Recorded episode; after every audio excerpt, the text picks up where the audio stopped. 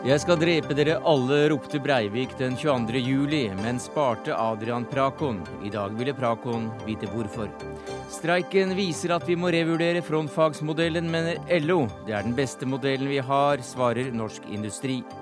De plasserte et geværløp i nakken min og trakka uten kuler, forteller minerydder Jon Sørbø. I dag kom han hjem etter fangenskap i Sudan. Og Legeforeningen vil forby røyking i bil.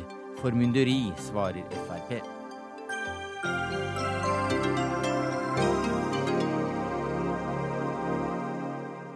Ja, Det er noen av sakene i Dagsnytt 18 denne fredagen, hvor vi også får høre at den største norske avisen i sin tid ble skrevet og utgitt i USA. Men først til det som skjedde i rettssal 250 i Oslo tingrett i dag.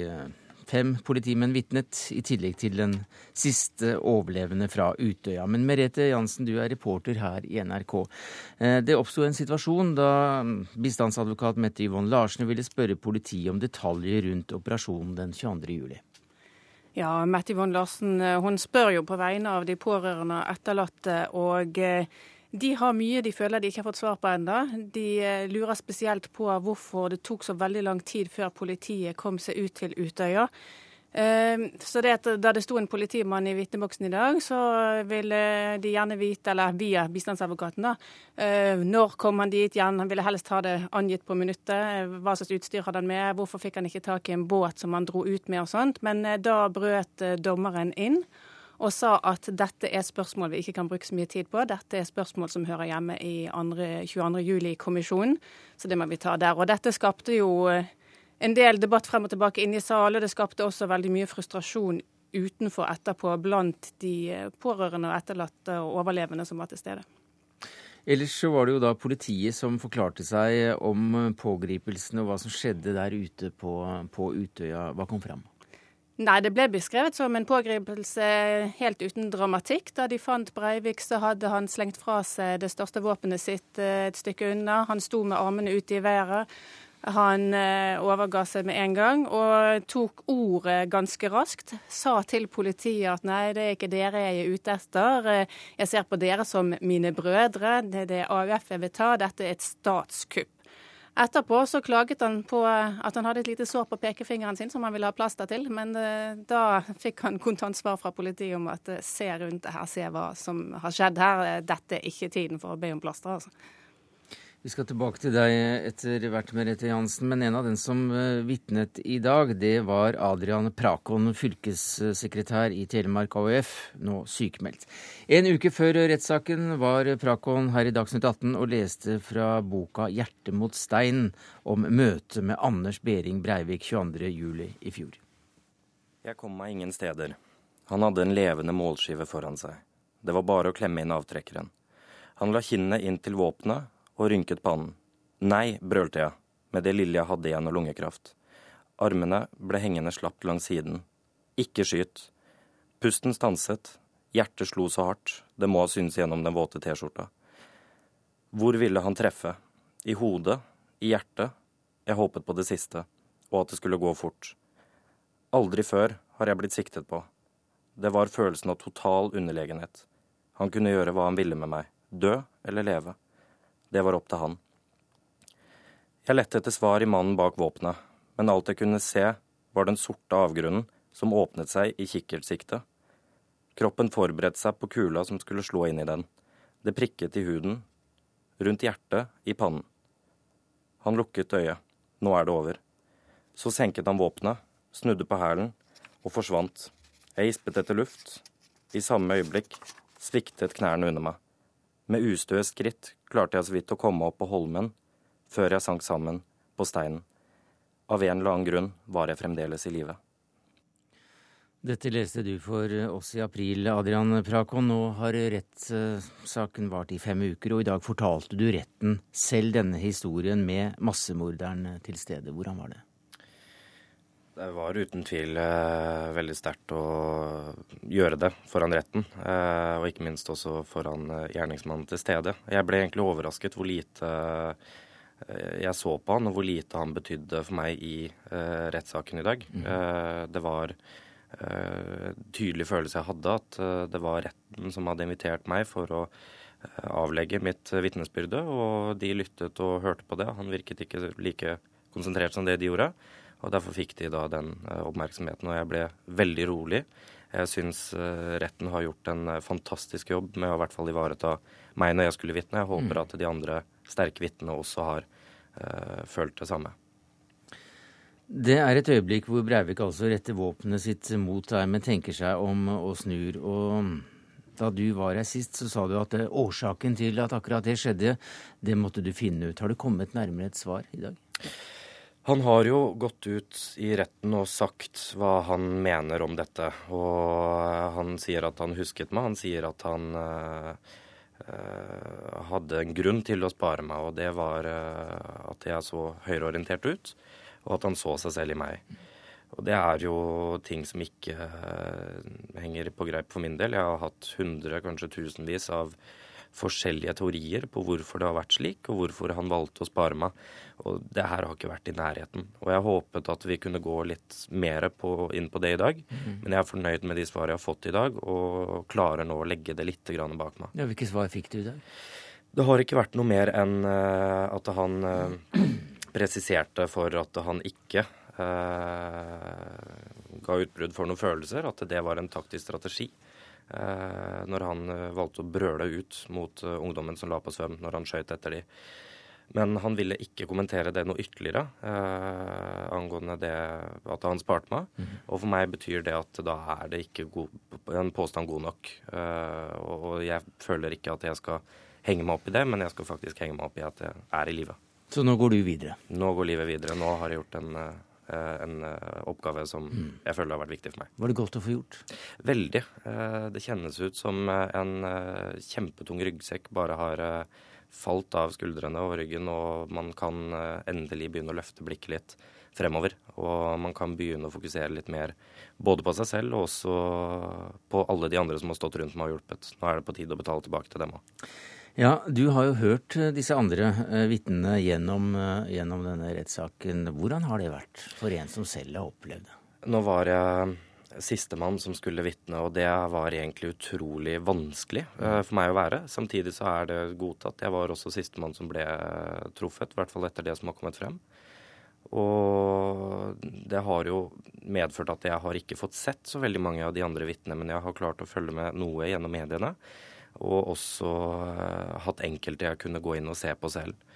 Og det her er helt utrolig hvordan de har taklet det. Og jeg har mistet frykten min både for retten og gjerningsmannen ganske tidlig. Og det er takket være uh, Tonje Brenna bl.a., som uh, startet uh, som uh, vitne fra Utøya. Og gjorde det utrolig bra, og det var en inspirasjon videre. Og de andre vitnene som kom etter, ble bare sterkere og sterkere og betydde mer og mer for meg det ble en arena hvor vi kunne dele historiene og få en forståelse hverandre, oss hverandre imellom også. Men samtidig har du sagt at kanskje det hadde vært bedre om du hadde blitt drept? Jeg sa det i dag, og det er en sannhet som eh, dessverre er slik. Det har vært eh, psykisk eh, vanskelig å gå gjennom det her. man kan en dag stå oppreist og en annen dag ikke klare noen ting. Og det er et uh, problem for meg, og jeg vet også det er et problem for andre, mm. som jeg tror uh, vi må begynne å sette litt mer fokus på. At det finnes eh, kanskje titalls eller hundrevis av ungdommer og voksne rundt om i Norge den dag i dag, som er også sykemeldte, som sliter med det her. Og, og har slike tanker. Og det er ikke noe man kan noe for, men det er i hvert fall noe man kan gjøre noe med. For du uh, fortalte også retten i dag at du går til psykolog, og at du ønsker å være åpen på det.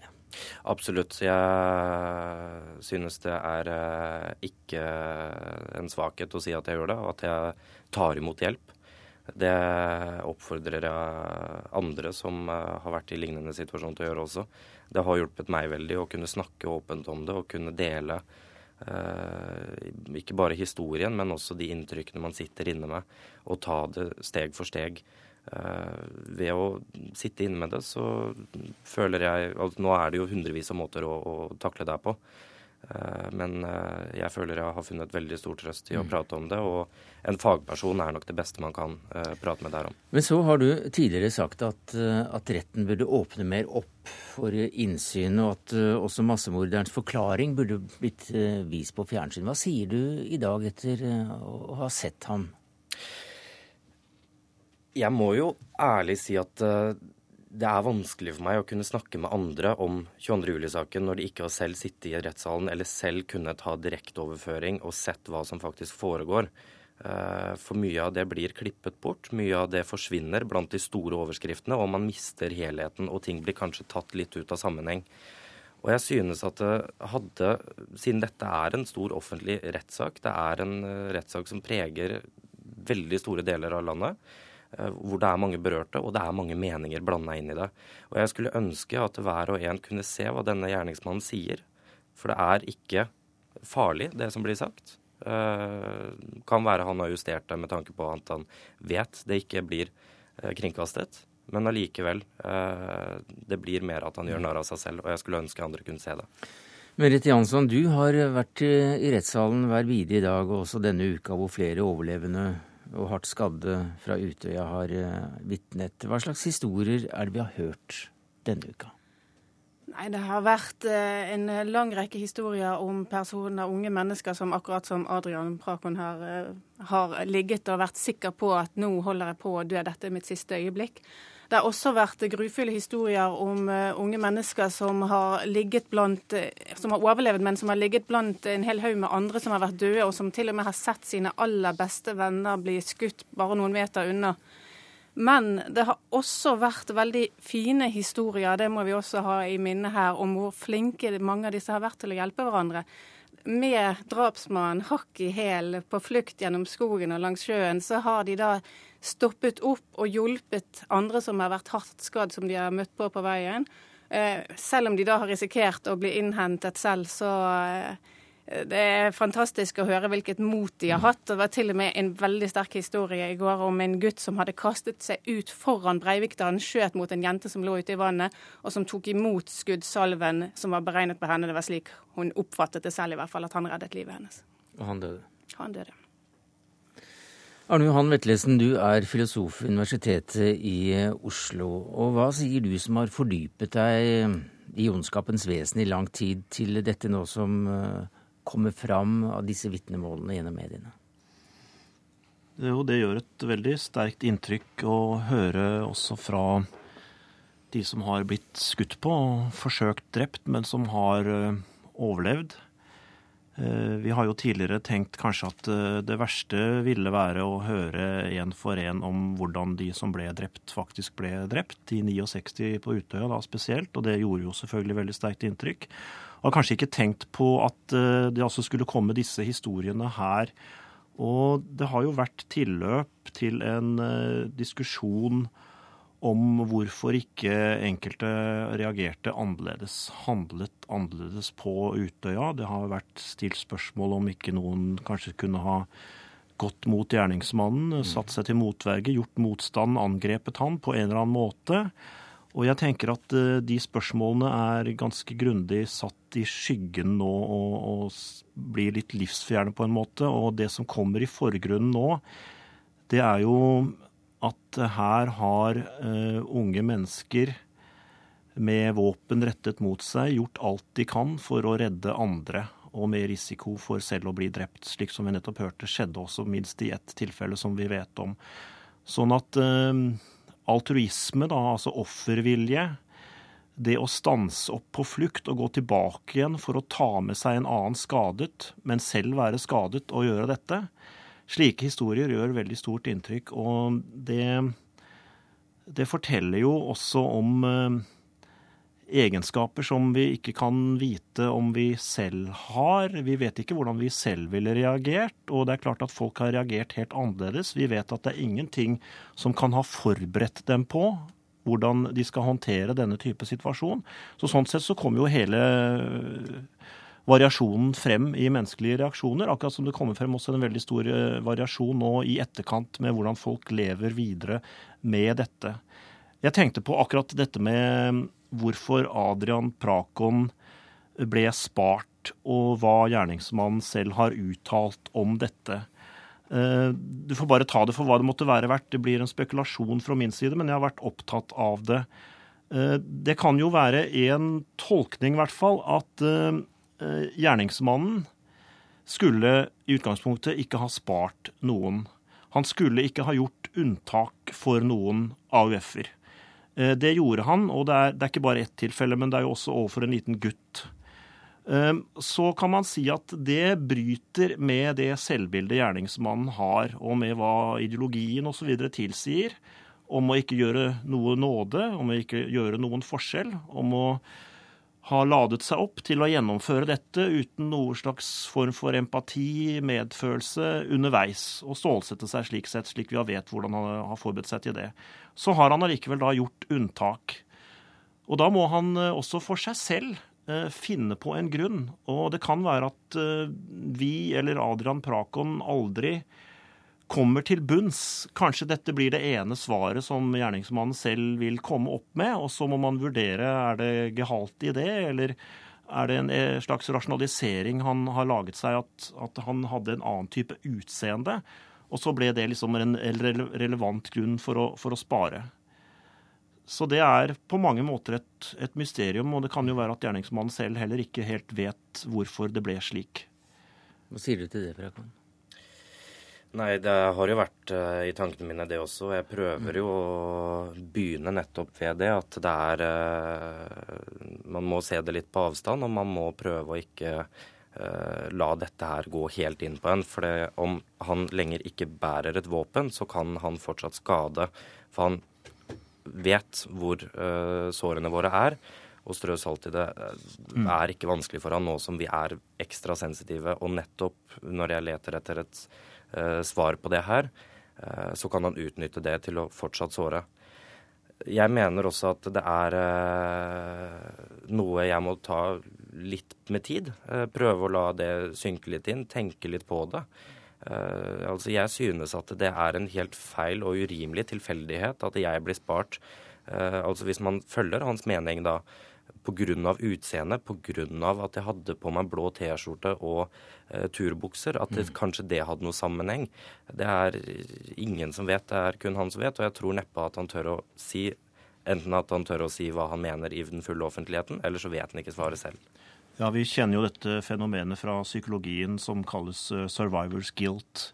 Uh, som særlig ble tematisert for overlevende fra konsentrasjonsleirene, uten sammenligning for øvrig. Men fenomenet er jo kjent. altså Hvorfor skulle akkurat jeg overleve, og særlig i situasjoner hvor man har sett alle sine nærmeste dø, f.eks. i, i utryddelsesleirene under nazismen. Og jeg tenker at uh, den menneskelige psykologien da er nok slik at vi er mer tilbøyelige til å å lete og lete og lete helt til vi synes vi kan finne en mening eh, med at jeg overlevde. Altså Hvis man bare sier at det var helt tilfeldig, og det må du bare slå deg til ro med, og det er ikke noe mer å si om saken, så er det veldig vanskelig å, å, å stanse der. Man vil alltid søke i andre retninger. Men uh, det som er litt håpløst med det, er at man, man, finner gjerne ikke noe definitivt svar, selv om man bare fortsetter å, å, søke. Uh, og så er det jo også det at uh, man kan da tenke på er det noe som eh, gjør at jeg har fortjent å overleve. Og så kan man også bli veldig selvkritisk, og man kan kanskje til og med føle det som en slags byrde at nå som jeg fikk sjansen til å leve videre, så hviler det på meg et spesielt stort ansvar for å gjøre noe ekstraordinært ut av livet mitt, så å si på vegne av alle de som måtte dø. Og så bærer man dette på vegne av et kollektiv, så å si, som et sånt skjerpet krav til hva man skal gjøre ut av livet sitt. Men det er jo også på en måte paradoksalt, fordi at man er jo blitt så belastet eh, i livet sitt. Og sånn sett så skulle man ha på mange måter mindre muligheter enn andre som ikke har mm. opplevd tilsvarende, til å gjøre noe ekstraordinært ut av livet sitt. Men Prakon skal altså videre. En tung sekk er tatt av ryggen din. Det er det, og det er eh, i forhold til eh, det spørsmålet så handler det på en måte akkurat nå om å nyte livet fullt ut, og det er det jeg skal gjøre. I hvert fall nå som sekken er borte. Få en god uh, pinsehelg, eh, Adrian Prakon, fylkessekretær i AUF. Takk skal du ha, Arne Johan Vetlesen, professor i filosofi, og til deg, Merete Jansen, reporter her i NRK.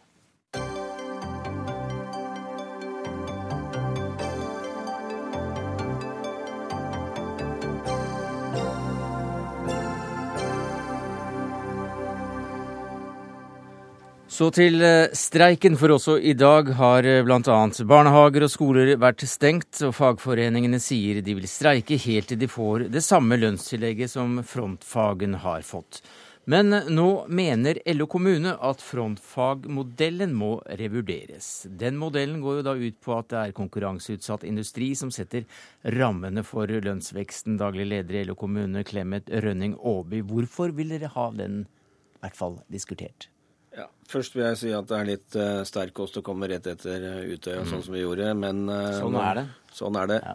Når det er sagt, så vil jeg gjerne få si at det vi har sett i årets oppgjør, er at Eller det vi synes å se, er at man underestimerer lønnsveksten i industrien og i frontfagsmodellen på en slik måte at man forsøker å dempe de offentlige oppgjørenes rammer. Ja, Hvordan da?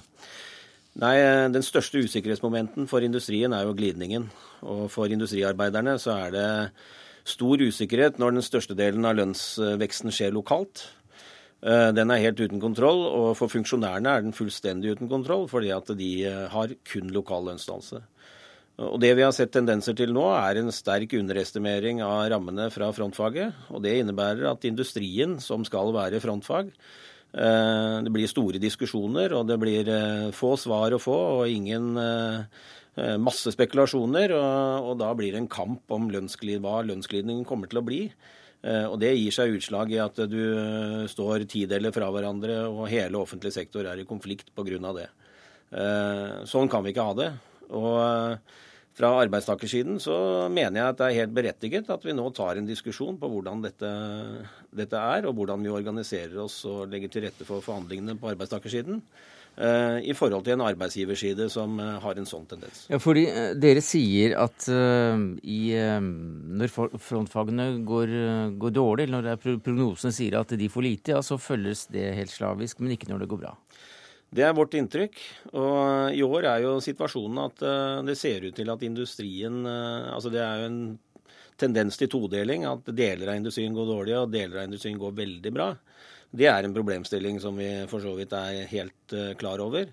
Det ser man i Moss, og det ser man andre steder. Men, det har med olje å gjøre? Ja, og olje. Mm. Men det innebærer at du får heller ta en diskusjon om frontfagsmodellen senere. Per nå så er det spillereglene. Vi følger frontfaget. Eh, og da må man forholde seg til frontfaget, enten det går bra eller dårlig. Men hvorfor er det så vanskelig å, å regne seg fram til omtrent hva disse konkurranseutsatte næringene eller deler av industrien eh, vil få? Man har jo masse erfaring med dette her fra før. Ja, altså vi, Man har holdt på med dette i alle år. Ja. Helt fra 60-tallet. Aukrust-modellen ble dette kalt. Ikke etter Kjell Aukrust, men broren. ja, det er riktig. Han var sikkert like morsom, men, eh, men eh, det er ikke Han så veldig morsomt nå. Han leste bøker frivillig, ifølge Kjell Aukrust. ja, det er en god sak. Men eh, nei, må anbefale alle å lese bøker. Men når det gjelder eh, frontfag i år, er det litt spesielt. For i fjor så var altså industrien 4,6 og industriarbeideren 4,3. Mm. Og staten har tilbudt, er vi litt usikre på, men det som er fortalt oss, er under 4. Og Det er klart at eh, det er litt vanskelig å se for seg at industrien eh, i år skal gå spesielt mye dårligere enn i fjor. Det er eh, vi liten tro på. Eh, og Derfor så hadde vi lagt opp til at eh, vi kunne legge til grunn fjorårets eh, lønnsvekst for industrien ut fra de oppgjørene som er ferdig. Men det er ingen som har tenkt på at det er bare å forhandle seg fram til et eller annet, og så får man det etterslepet som viser seg mellom det frontfagene faktisk får etter de lokale oppgjørene etc., etc., og så får man det som en hyggelig julegratiale. Ja, altså, Med vi har, renter. Vi har tenkt tanken. Uh, at vi har en slags etterslepsklausul. Ja. Det har vi hatt i 2003. Eh, og det er ikke fremmed for oss.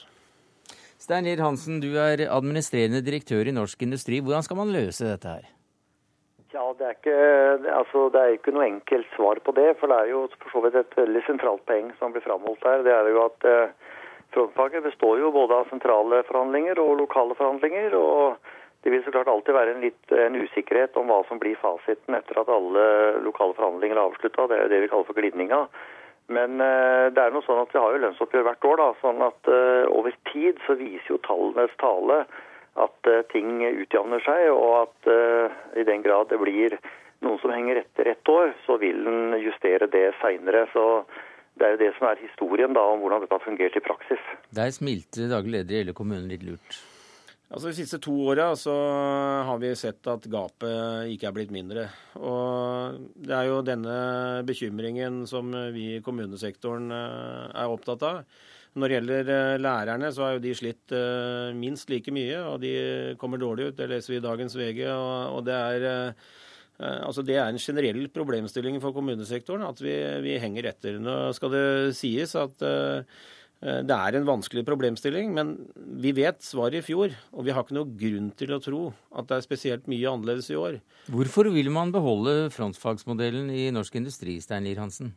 Altså Frontfagsmodellen er som dere har sagt, det er jo en modell som ble presentert av Odd Aukrust. og Hele poenget med frontfagsmodellen det er jo at Norge som nasjon eh, må ha en lønnsdannelse som over tid ikke svekker landets konkurranse i forhold til utlandet. Og Da er jo liksom teorien at eh, den delen av arbeidslivet som står i direkte konkurranse med utlandet, altså eksportindustrien, de bør gå foran.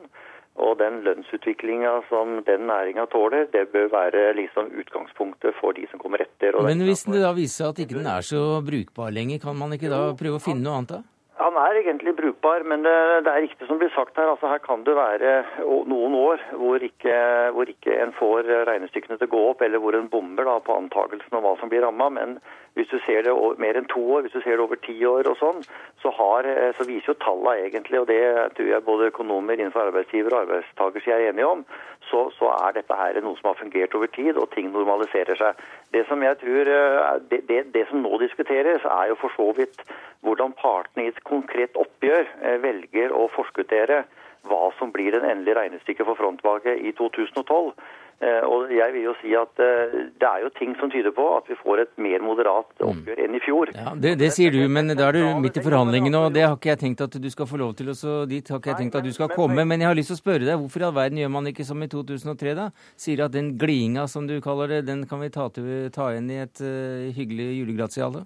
Ja, eller du kan justere det. Altså, husk at I Norge har vi jo lønnsjustering hvert år, så mm. du kan jo bare justere det det etterfølgende året. Men det som er poenget, det er at så langt så er iallfall den sentrale delen av frontfaget der er oppgjøret halvert i forhold til mm. oppgjøret i 2011. Så det er jo veldig klare signaler her på at industrien, altså arbeidstakersida på industrien er villig til å moderere mm. seg nå. Og de har egentlig prioritert en del prinsipielle krav i år framfor bare lønnskrav. Ja, For det er vel slik da at uh, hvis det kommer prinsipielle krav, altså prinsipper inn i bildet her, så blir det litt vanskeligere å regne på kroner og øre også for LO kommune?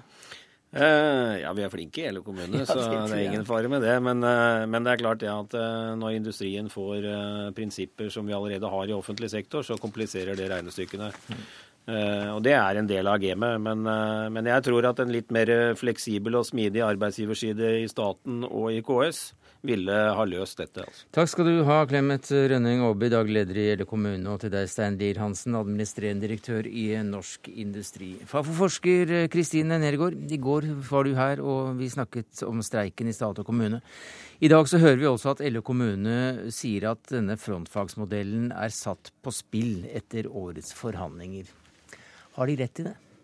Jeg tror nok vi kommer til å se en også etter årets forhandlinger. Men at når denne streiken har, eh, er avslutta og partene har fått tenkt seg om, så kanskje man kommer til å diskutere litt hvordan man f.eks. benytter tall. Ja, Hvordan benytter man tall? Hvorfor er man så uenig om disse tallene?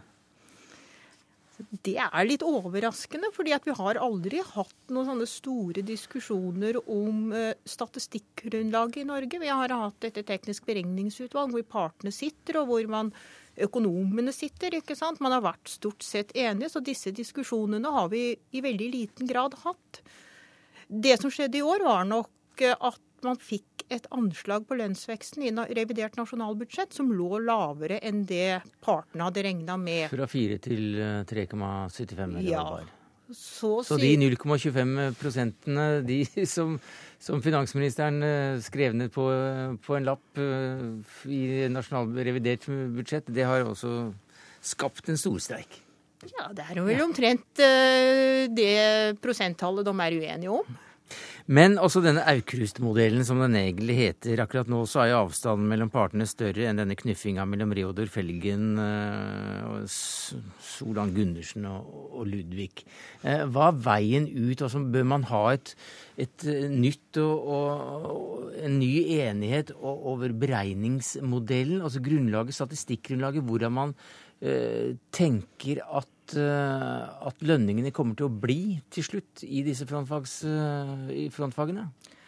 Jeg tror kanskje norsk arbeidsgiverside i hvert fall vil være interessert i det. Fordi eh, man ser nå at du får et anslag på frontfaget, og så legger man inn etterslep, og så legger man inn hva industrifunksjonærene har fått, og så får man da et lønnsoppgjør i offentlig sektor som ligger over det industriarbeiderne har fått. Det er jo industrien samla, ikke industriarbeiderne som legges til grunn mm.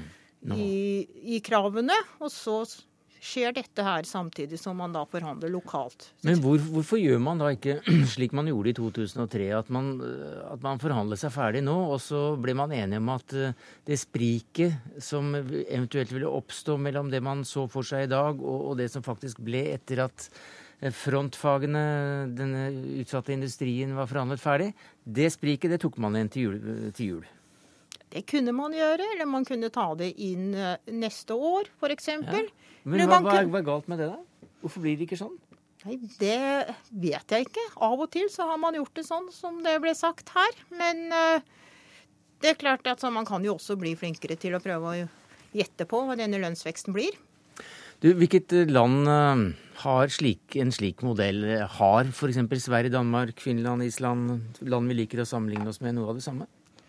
Ikke helt det samme, men det er klart at sånn, vi har samme type økonomi. Og det betyr at uh, det er privat sektor og industrien som forhandler først og legger føringer på resten av økonomien. Takk skal du ha, Kristine Nergård, forsker i eh, Fafo. I ettermiddag blir det altså klart at Unio trapper opp streiken fra neste uke. Rundt 7000 arbeidstakere blir tatt ut i streik onsdag, og Fagforbundet utvider med 15 000 fra tirsdag, YS med 500.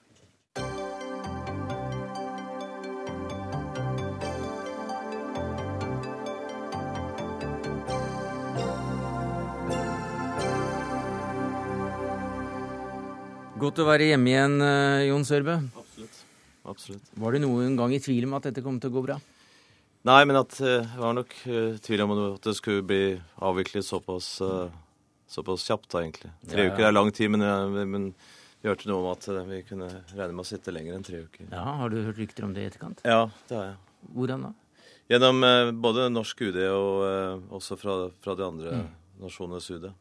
Etter 21 dager i sudansk fangenskap så kom altså da Norsk Folkehjelps minerydder Jon Sørbe hjem til Norge i dag etter å ha blitt løslatt på søndag. Og, og du må, må nesten fortelle, fortelle, oss igjen hva som skjedde denne lørdag 28. april klokka 09.20. Ja, Vi kjørte fra et område. Vi hadde vært ute og kvalitetssikret eh, en vei som skal brukes til å få inn matforsyninger til den store flyktningleiren i Ida, hvor det er 25 000 flyktninger. Så skulle vi fra en, en eh, landsby til en annen, og midtveis mellom disse så kjørte vi inn til en, rett og slett inn i et ambush. Hvor, ambush? Ja, altså hvor man åpnet til. da, mot, mm. Men de markerte med å skyte i været. Og så blokkerte de veien foran og bak med kjøretøy med tungt maskingevær og ca. 100 soldater som omringet oss. 100 soldater. Og så ble dere tatt med til eh, kommandøren. Og hva sa han da han fikk vite at dere var mineryddere og, mineryddere, og ryddet også bort de minene som vel de kanskje hadde lagt ut? Ja, vi, da fikk jeg et uh, Først fikk jeg bind for øyet, bind for øynene, og så fikk jeg et slag i hodet av en geværkolbe. Slik at uh, trommehinnen på venstre øre er litt uh, medtatt. Og så ble det en del trussel om at vi skulle henrettes i løpet av kvelden. Enten skytes eller halshugges. Og så, eh, Men det, hadde vi, det trodde vi egentlig ikke på. For det, jeg kom fra Norsk Folkehjelp, en organisasjon som er respektert og har lang fartstid i Sør-Sudan. Og Chris Fielding, kollegaen min, er fra FN, og de to andre var også til, tilhørende FN. Og jeg var jo på en måte også tilknyttet FN, da, men fortsatt med Norsk Folkehjelps eh, som organisasjon. Og, så det hadde vi ikke noe tro på. Eh, men uh, Men da du fikk bind for øynene og gevær, et geværløp i nakken, da? Ja, det altså ubehagelige er jo Men jeg trodde fortsatt ikke at de kom til å gjøre noe mer enn det. Og du hørte klikk, at ikke det Ja. var en kule? Ja da, det er ikke noe behagelig. Eh, Men jeg, det var bare for å psyke oss ned. Så vi sa at her skal vi ta med heva hodet. Ikke vise dem at vi er redd. Så fikk du altså rett til én telefonsamtale. Ja. Hvem ringte du? Da ringte jeg kona mi, og da var hun på jobb. Og så huska jeg ikke mobilnummeret hennes, som man ofte gjør, for alle nummer er på telefonen. Så, så da fikk jeg lagt inn en beskjed og sa at uh, det er bra med oss, så jeg er glad i dere, så dette her løser seg. Og det var det. Men jeg hadde jo veldig god kontakt med ambassadør Kjemperud og Det var jo først etter en stund. Ja, det tok Vi, en vi uke. snakket, Dagsnytt 18 snakket jo med han stadig eh, før han fikk kontakt med dere. Og han hadde prøvd hele tiden å, å få kontakt med så jeg, Den britiske ambassaden, Chris, fikk vel en uh, møte med dem uh, på mandagen. Og jeg var på slutten av uka. Du driver jo da som minerydder, eller du, du instruerer vel også andre å lede mineryddingsprogrammer. Hva kan du si om situasjonen når det gjelder miner i det området? Det som er bekymringsfullt for oss, er jo at det legges nye miner. Eh, og vi lurer jo veldig på hvor disse minene kommer fra. For egentlig skal det være en oversikt over det. Ja, egentlig så skal det, de minene som de har hatt på lager, skal jo, har jo vi vært med på å destruere. Og, eh, og vi er jo, det er veldig bekymringsfullt at disse rebellgruppene får tilgang til miner. Eh, nå er det stort sett antitankminer som ikke er dekket av konvensjonen. Er antipersonellminer som er dekket, så sånn sett kan de jo gjerne bruke det. Men vi, er, ønsker jo selvfølgelig ikke det. Jeg syns jo det er fryktelig trist når det er brukt mye penger på minerydding i både Sør-Sudan og i Sudan. Eh, Eh, Så dette er det politisk press på, da, og hvor disse kommer fra. Og det er, Og det var også kanskje en milits som tok dere først. Ja, det var en milits som tok Så det var ikke nordsudansk Nei, det var det ikke. Men dere ble overlevert tilbake? Ja, fordi at eh, vi antar at militsen påsto at vi hadde, vært i Sudan. Men du Sørbø, etter disse opplevelsene så blir det vel eh, nå en trygg kontorjobb enn eh, enn noen år i Nei, Oslo det- med Norsk Folkehjelp? Jeg drar tilbake til Sør-Sudan så snart jeg er eh, ferdig med det jeg skal gjøre i Oslo, så, og en tur til England, så, så det går turen tilbake. Jeg har vært her i syv år og, og leder et prosjekt som, eh, som, som går veldig bra. Og vårt, målsettingen med mitt prosjekt er jo å bygge opp en nasjonal kompetanse som, eh, så de kan håndtere. Vi sier jo at altså det, er vi, det er ikke vårt miniproblem, det er deres problem, men vi skal hjelpe dem å, å løse det. Og da må vi ut av dem til å, å, til å håndtere det. Lykke til, Jon Sørbø, minerydder eh, fra Norsk Folkehjelp.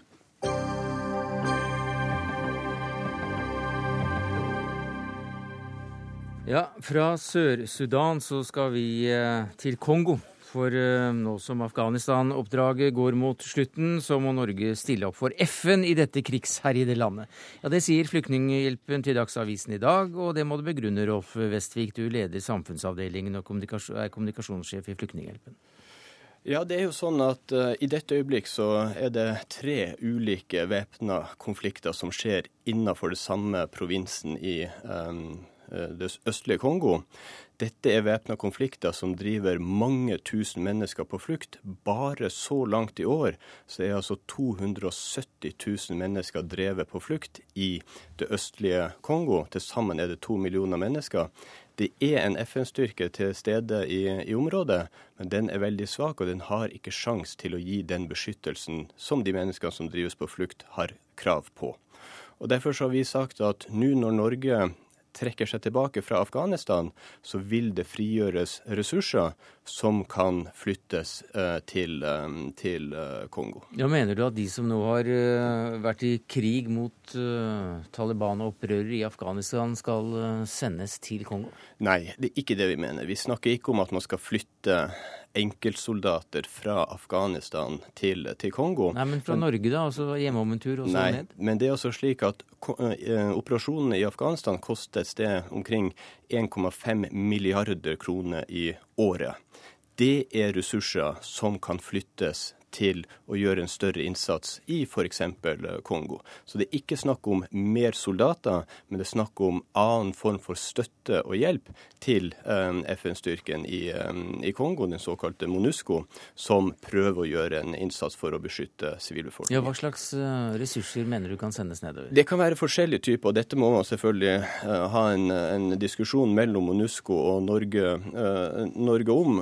poenget er at Norge har fått mange henvendelser fra FN om å bidra eh, flere steder. Ja, men det gjør vi da også. også. I Kongo så har vi allerede én militær offiser og fire sivile stillinger i Kongo. Det er i dag ca. 98 000 FN-soldater i aktiv tjeneste rundt omkring på, på kloden totalt sett. Mm. 50 av disse, kun 50, kommer fra, fra Norge. Vi syns ikke at Norge har stilt opp i tilstrekkelig grad for, um, for FN, bl.a. fordi at engasjementet i Afghanistan har tatt mye, mye, plass. Nå når vi trekker oss tilbake fra Afghanistan, så har Norge en mulighet til å gjøre en større innsats for FN. Hva sier du til det, Gry Larsen, du er statssekretær i Utenriksdepartementet. og Dette er jo helt i tråd med Soria Moria-erklæringen, eh, som sier at Norge må øke sin deltakelse i FN-operasjoner med særlig vekt på Afrika. Jeg er enig med Flyktninghjelpen om at det er store humanitære behov i DRC. Ja, det er, det er, en beskrivelse av situasjonen, men så er det virkemidlene for å gjøre noe med den situasjonen. Og, og når det også står Det var det jeg prøver å komme til. Ja, fint. Eh, fordi at eh, Grunnen eh, til at vi, vi har økt bevilgningene til humanitær innsats i DRC med 200 millioner de siste tre årene. Det er også sånn at vi har dobla eh, norsk innsats i eh, MONUSCO. Eh, vi har innsats eh, knytta til å bekjempe seksualisert eh, vold. Det er ikke riktig at vi ikke stiller opp for eh, FN. Det gjør vi i Kongo. Det gjør vi andre steder, også i Afrika. Og så blir det litt for enkelt eh, å si at når vi nå trekker med oss ned i Afghanistan, så kan vi bare automatisk overføre det til et annet sted. Vi er opptatt eh, av å ha kontakt eh, med FN. Vår ambisjon har hele tiden vært å bidra mer på det afrikanske kontinentet. Vi var rede til å bidra i eh, Sudan. Det lot seg dessverre ikke gjennomføre. Men vi har ikke fått mm. noen nye henvendelser nå om bidrag til DRC. Mm, Vestvik, hva sier du til, hva sier du til det, Vestvik? Nei, altså eh, vi er enige om at man skal ikke flytte automatisk styrker fra Afghanistan til Nei. Kongo. Men det vi snakker om, det er altså at Afghanistan har kosta mye. Som sagt, omkring 1,5 eh, milliarder kroner per år koster det engasjementet. De ressursene skal man ikke bruke lenger fra 2014, og da har man et reelt valg om å bruke ressurser andre steder. Kanskje ikke like mye, men i hvert fall øke ressursbruken andre steder. Men du hører jo Herre Larsen sier jo at de har økt innsatsen også i Kongo? Man har økt, man har altså én norsk deltaker i FN-styrken i, i, MONUSCO det, i Kongo. Det er en FN-styrke som består av ca. 19 000, 19 000 mann. Der er det én mm. norsk, norsk mm. offiser. Men det er ikke nødvendigvis det militære bidraget som er viktig. Det er et generelt mm. bidrag for å øke beskyttelsen av sivilbefolkningen i Kongo vi er på jakt etter. Larsen, vær så god. Jeg er enig i det, at det er viktig å bidra til å beskytte eh, sivilbefolkningen. Eh, Som jeg sa, vi har da dobla eh, innsatsen til eh, MONUSCO i løpet av de siste eh, tre årene. Det er én måte å bidra på. Vi bidrar nå med en militæroffiser. Eh, vi bidrar nå med sivile personell, fire stillinger. Og det er også sånn at vi bidrar på frivillig basis i noe som kalles Joint Monitoring Teams, som er med på å sørge for at det blir opplæring av menneskerettigheter, som sørger for å styrke beskyttelsen av eh, sivile. Men Gry Larsen, du, jeg, du, jeg avbrøt deg dessverre i stad, og jeg beklager at jeg må avbryte deg, men du er på telefon, og vi må inn herfra av og til også. Og når du da sier at uh, dere ikke har fått noen ny henvendelse fra FN om å øke innsatsen, hva hvis en slik henvendelse kommer? Det er sånn at Når vi får henvendelser fra FN, så tar vi alltid de seriøst. Og så vurderer vi på hvilken måte vi kan bidra mest. Vi har bidratt mye i DRC. Det kommer vi selvsagt til å fortsette å gjøre. Men det er ikke sånn at eh, selv om vi trekker oss ut militært eh, etter hvert nå fra eh, Afghanistan, så skal vi ikke være i Afghanistan videre. For vi kommer også til å bidra med eh, mye eh, sivilt innsats også i Afghanistan eh, fremover. Men poenget mitt er at vi gjør mye i Kongo. Det mm. skal vi fortsette med å gjøre. Nettopp fordi at den humanitære situasjonen er sånn som den er i Kongo. Kort til slutt, Vestvik. Norge gjør ikke noe i, i, Kongo, og heller ikke verdenssamfunnet gjør, eh, gjør, noe i Kongo. og Det ser man på de humanitære konsekvensene man i dag har eh, i landet. Altså 270 000 nye fordrevne så langt i år. Det store behov når det gjelder å beskytte de menneskene som blir drevet på, på flukt. Og Norge kan mm. spille en større rolle, og har også muligheten til det nå når man trekker ned i Afghanistan. Takk skal du ha, Rolf Vestvik, leder for samfunns- og informasjonsavdelingen i Flyktninghjelpen. Takk til deg, Gry Larsen, statssekretær i Utenriksdepartementet.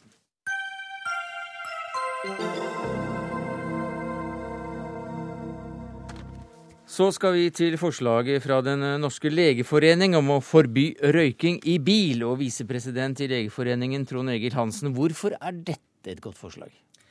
Dette er jo et av flere forslag vi har i, en intensivert eh, kamp mm. mot uh, tobakksskader. Mm, men nå er det akkurat For, dette, dette Formålet med dette forslaget er primært å beskytte de øvrige som er i bilen, mot passiv røyking. og Da tenker vi særlig på barn, og at vi har et særskilt ansvar for å beskytte barn mot å bli skadet av passiv røyking.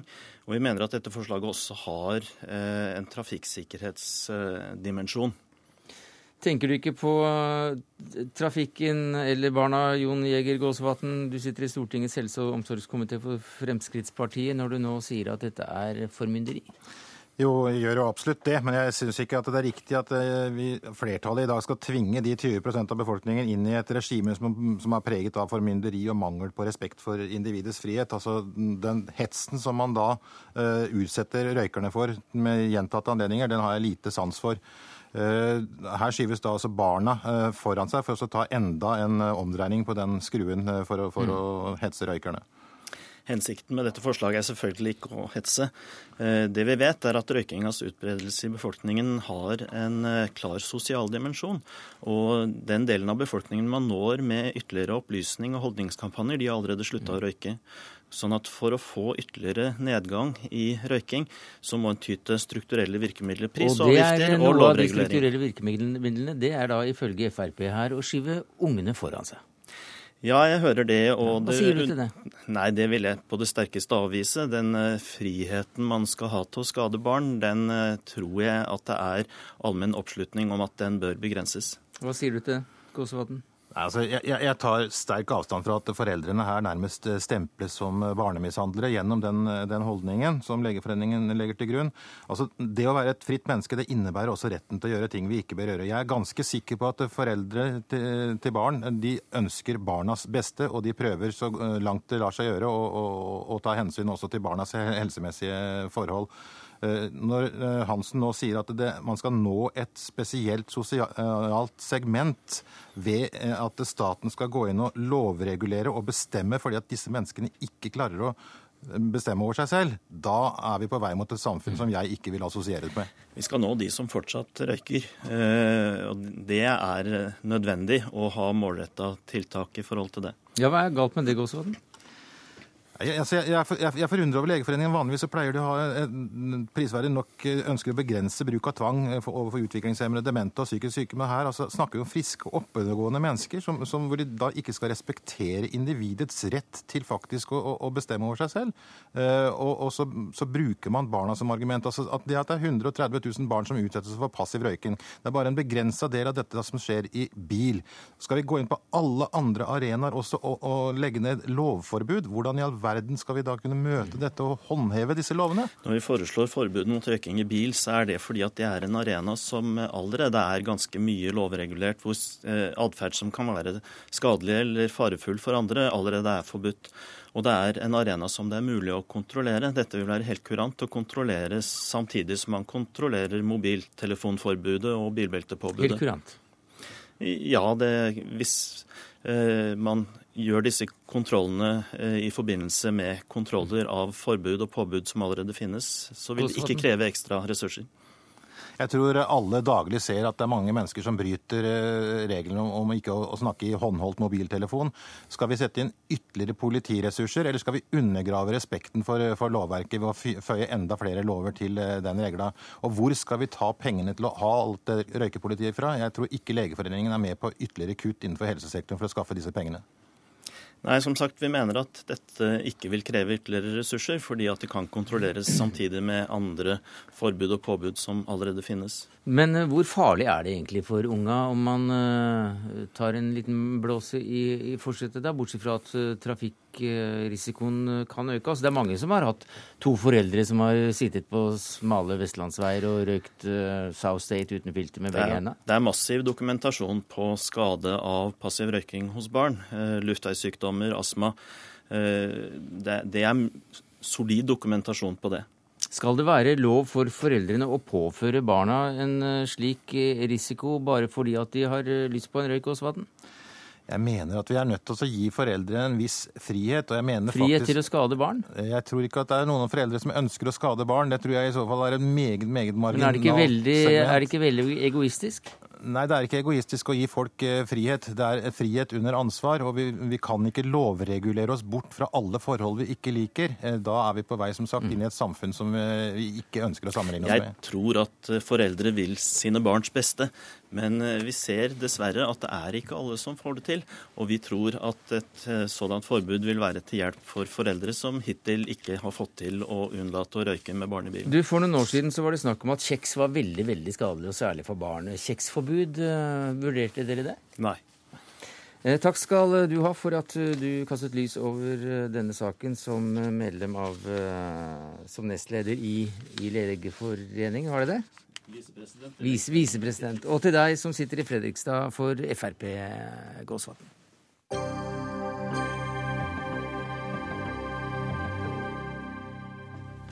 Norske aviser i Amerika, Lovold. Det er om ikke en messe, så i hvert fall en egen bok verdt. Hvor mange aviser, norske aviser har det vært over det alt i alt? Jo, hvis man teller fra den første i 1847, Nordlyset, og mm. frem til 2010 så er det kanskje ca. 280, hvis man da teller bare altså titlene på avisene. Mm. 280? Ja. Og det er jo en aldeles utrolig antall. I tillegg så var det ca. 190 religiøse tidsskrifter som kom ut. Da Pressens historie endelig kom ut i Norge i fire tjukke bind for et par år siden, etter en lang, lang ørkenvandring etter både finansiering og form, så var det noen som pekte på at norsk pressehistorie også hadde en god, god historie over dammen som det kunne vært fint å få samlet. Og det har du gjort, Oddes Lovold. Du er blant mye annet professor ved St. Olaf College. Og boken heter 'Norske aviser i Amerika'. Hva slags bok er dette blitt? Ja, si det. Det er, det er historien om den norsk-amerikanske presse, men det er også en kulturhistorie ja. om nordmenn i Amerika. Sett gjennom da redaktørenes skal vi si, tolkning av hva vil si å være norsk, og eh, altså hvilken rolle en avis kan spille innenfor en immigrantsamfunn. Ja, Hva var de første norske avisene der borte? Hva var de opptatt av å formidle av stoff? Det er nokså interessant, for det var nokså tidlig, i 1847. Det var ikke så mange nordmenn da i Wisconsin hvor den første avisen kom ut. Og den kom også ut i Moskego-settlementet, som var da et, nokså fattigslig dårlig settlement. Men den hadde da en utrolig gruppe ledere, eh, som alle sammen kom fra Lier, i, i, altså ved Drammen. Mm -hmm. Og eh, det, det, var da som en av de store tidligere pionerene i avisene, Knut Langeland, skriver, det var noen av de mest intelligente menn i, i, kolonien som mente at de skulle ha en avis. Og eh, disse, disse, hadde jo da Det var menn som Søren Bakke og James Raymert og Even Heg, eh, som alle hadde sine røtter da i Lier. Og grunnen til at de ville gi ut denne avisen, som de skrev da i første, eh, altså i første utgivelse, var jo for å opplyse norske immigranter som ikke kunne lese engelsk. Om? Om det amerikanske samfunnet, hvordan man tilpasset seg, hvordan man kunne bli statsborger. Eh, de ble meget politisk opptatt med det samme. Det ble mindre eh, senere, men pioneravisene ble meget opptatt av det politiske system i, i Wisconsin og i USA generelt. For dette var en del av tilpasningsprosessen. Denne samme James Raymert var jo den første nordmannen som ble valgt til et, til et lovgivende forsamling i, i USA mm -hmm. og i Wisconsin. Han hadde den fordel at han hadde en skotsk mor og hadde tilbrakt en del av sitt liv i, i England og Skottland. Så han kunne språket? Ja, han kunne engelsk. ja, Så det var hans store fordel. Men den avisen varte ikke så lenge, og den fikk jeg tror en sånn 250 abonnenter. Men senere, altså var det den, den, den, avisen De Norskes oppmerksomhet? Ja, Den Norskes oppmerksomhet, men den, den var en totalt feil. Den, den, kom ut i Chicago. Ja, Men uh, over til noe annet, nemlig det, ja. dette med opplagstall. For på et tidspunkt i historien mm. så var altså ikke den største norske avisen norsk, for så vidt, for den Nei. var amerikansk. Ja da, Skandinaven eh, hadde da en, en 25 000 eh, opplag i sin eh, daglig skal vi si, utgave. Når var det? dette måtte være da fra slutten av 1890-årene og fremover til bortimot første. Og det var st langt større enn de norske avisene? Ja, Aftenposten, som var den største, hadde da 14 000 mm. i sammenligning med 25 000. I tillegg så hadde jo Skandinaven da en to ukentlig utgave som kom ut i 50 000 eksemplarer. Mm. Men uh, hvor mange uh, snakket norsk i USA på det meste? Ja, det kommer an på uh, tiden man snakker om. Nå, på, på, det meste? Ja, så, hvor, hvor, stort var grunnlaget, abon abonnentsgrunnlaget? Ja, man fikk jo da en veldig økning i innvandringen fra 18, slutten av 1870-årene, 1880-årene. Da fikk man en voldsom strøm av og, og det er også den perioden hvor man har da en topp i utgivelser av aviser, antall aviser, ikke i, ikke i eh, da, opplag. For det kom kanskje mer i 1910, eh, da man kan regne med at det var ca. en million amerikanere en million. som snakket, snakket norsk. ja. Eh, den lutherske kirke eller tro har spilt en viss rolle i avisenes historie ja, i USA? Ja, særlig i den tidlige perioden. Ja. Og, men dette er ikke noe sånn eh, særlig spesielt for nordmenn, for det, dette skjedde i, da i alle immigrantgruppen. Det som kunne være litt spesielt med den norske situasjonen, var jo at i overføringen av den lutherske tro til, til den nye verden, så ble det en voldsom splittelse som var helt enestående for det norske, hvis man sammenligner med svensker og dansker. Eh, danskene var nok splittet mellom pietister og grundtvigianere. og eh, Svenskene kunne være splittet mellom misjonsvenner og da den, den statskirken. Mens nordmenn eh, skilte seg i hele 14 forskjellige kirkesamfunn, som alle mente de hadde den riktige lære, og så, beskyldte hverandre for ikke å ha den riktige. Så troen virket splittende i avisene i USA. Men uh, ja. når vi nå snakker om hva som splitter folk, så er det ofte politikk. Hvor, hvordan stilte avisene seg til, uh, til det politiske her? Var de republikanere eller demokrater for det meste? Altså, I begynnelsen så var de jo selvsagt da demokrater. De, eh, for Det demokratiske parti eh, var meget vennlig innstilt overfor innvandring og innvandrere. Men, vi, men, så var det da dette partiet som kom i 1850-årene, som heter No Nothing-partiet, som var meget imot eh, da, innvandring. Og da det republikanske partiet ble dannet da i midten av 1850-årene, så ble dette her fordomsfulle parti en del av det republikanske. Så det tok en tid. Men, men likevel, eh, pga. borgerkrigen eh, og spørsmål om slaveri, eh, som gjorde disse norske farmere i Øvre Midtvesten ikke vil ha noe mer, pga. at de ville ha ville ha et, et, en økonomi som var basert på slavehold, men på da individuelle skal vi si, farmer og, og fri arbeidshjelp. Men det som er interessant her også, er jo da at innenfor den høykirkelige gruppe mm.